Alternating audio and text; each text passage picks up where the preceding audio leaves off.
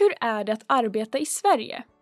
Vad ska man tänka på när man får sitt första jobb och kommer till en ny arbetsplats?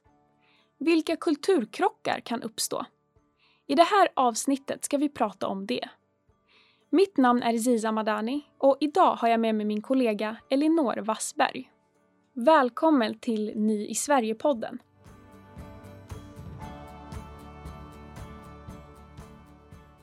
Elinor, det kan ju skilja sig en del från att jobba utomlands och i Sverige. När man får ett jobb, vad är det första man ska tänka på? En sak som är väldigt viktig, det är att komma i tid till jobbet.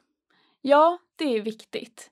Jag har en kollega som har jobbat i Mellanöstern. Hon berättade att där är det inte lika noga med att komma i tid.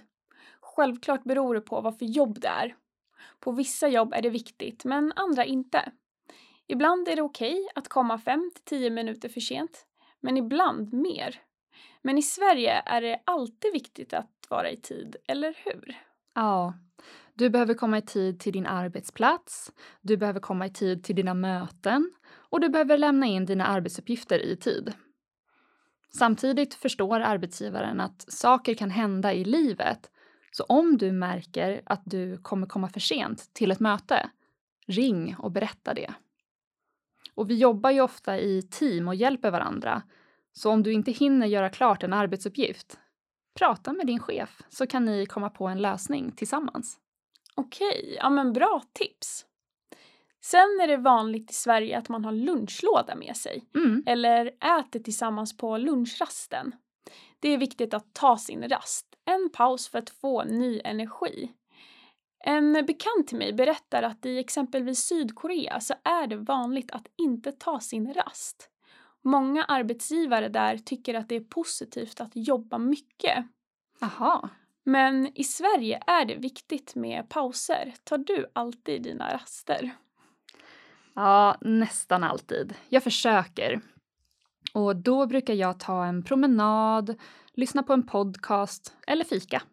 Ja, just det. Det där med fika, det är vanligt i Sverige. Vad gör man då?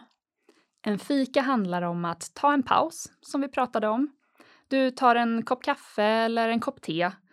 Samtidigt så pratar du med några av dina kollegor och kanske chefen.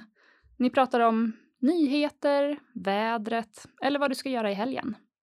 Jaha, så det är normalt att chefen fikar med sin personal? Ja, absolut. På så sätt är det ganska avslappnad stämning på svenska arbetsplatser. Alla umgås med alla. Du säger hej och hej då till dina kollegor varje dag. Och man hälsar på alla med deras förnamn. Så om jag träffar dig så kommer jag ju säga hej Sisa. Jag säger inte hej Miss Madani. Nej, precis. Och i andra länder visar du respekt genom att säga Sir, Ma'am, Mrs. Men i Sverige räcker det med förnamnet. Ja, det räcker med förnamnet och väldigt intressant det du säger.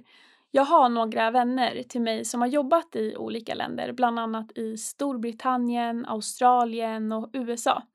De berättade att det är viktigt att en chef är en chef. De vill alltid imponera på chefen och har väldigt stor respekt. Så då är det inte som i Sverige alltså. Precis. Du har såklart respekt för chefen, men lika mycket respekt för dina kollegor. Som ett exempel kan jag berätta om en kollega som har jobbat i många olika länder i Mellanöstern. Han såg en stor skillnad när han kom till Sverige. Den skillnaden var i hur vi fattar beslut. I Sverige är vi mer inkluderande jämfört med andra länder. Och Det betyder att chefen vill att du som är anställd ska diskutera idéer i slutet är det chefen som bestämmer, men kollegornas idéer och åsikter är en viktig del för chefens beslut. Svenska chefer vill att alla ska vara nöjda med beslutet. Ja, det låter ju bra att alla får vara med att tycka och tänka. Men det låter också som att det tar mycket tid. Ja, det stämmer. Det blir ganska många möten. Ja, det säger mina kollegor som har jobbat utomlands också.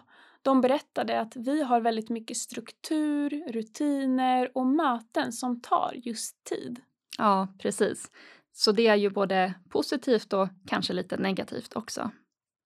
Men Sisa, jag tänkte på en annan sak kring idéer. Okej, vad då för något? Vi har en kollega som kommer från Somalia. När han kom till Sverige lärde han sig att du får gärna komma med idéer på arbetsplatsen, men det är viktigt att du inte trampar någon på tårna.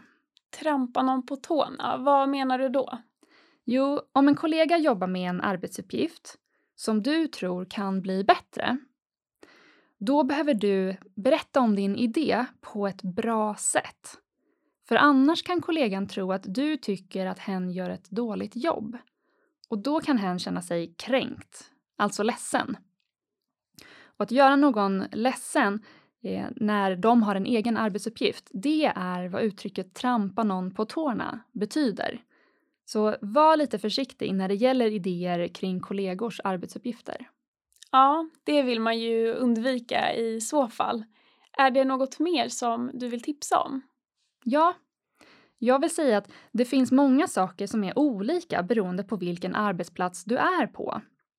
Till exempel vilka kläder du ska ha. Ibland finns det en klädkod på arbetsplatsen, så då kan du följa den för att veta vad du ska ha på dig. Men ibland finns ingen klädkod. Och ibland har du speciella kläder som kan skydda dig. Aha, skydda hur då? Till exempel extra bra skor som kan skydda dina fötter om du jobbar med att bära tunga saker och kanske tappar någonting. Okej, bra. Och det kan också vara olika om det är okej att ha privata telefonsamtal på arbetstid eller inte.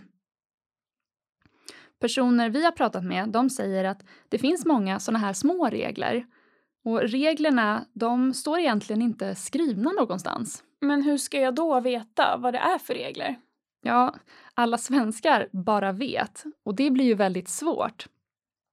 Så eftersom reglerna inte finns skrivna någonstans, då är det ja, svårt för personer som kommer från andra jobbkulturer att veta om de här sakerna. Så mitt tips till dig är var nyfiken. Be dina kollegor och din chef om hjälp. Våga ställa frågor. Ja, våga ställa frågor. Det är viktigt. Och jobbkulturen skiljer sig mellan olika länder och arbetsplatser. Men precis som du sa, svenskar vill gärna hjälpa till. Så tveka inte på att fråga. Stort lycka till på din arbetsplats!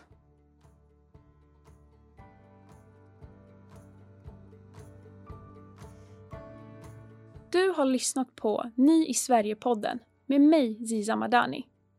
Gäst idag var Elinor Wassberg och tekniker, det var Sylvester Jan. Vill du ge oss tips på vad vi ska prata om i podden? Skriv då till ny i bindestreck Sverige bindestreck podden snabela arbetsformedlingen.se. Det här avsnittet spelades in i december 2020.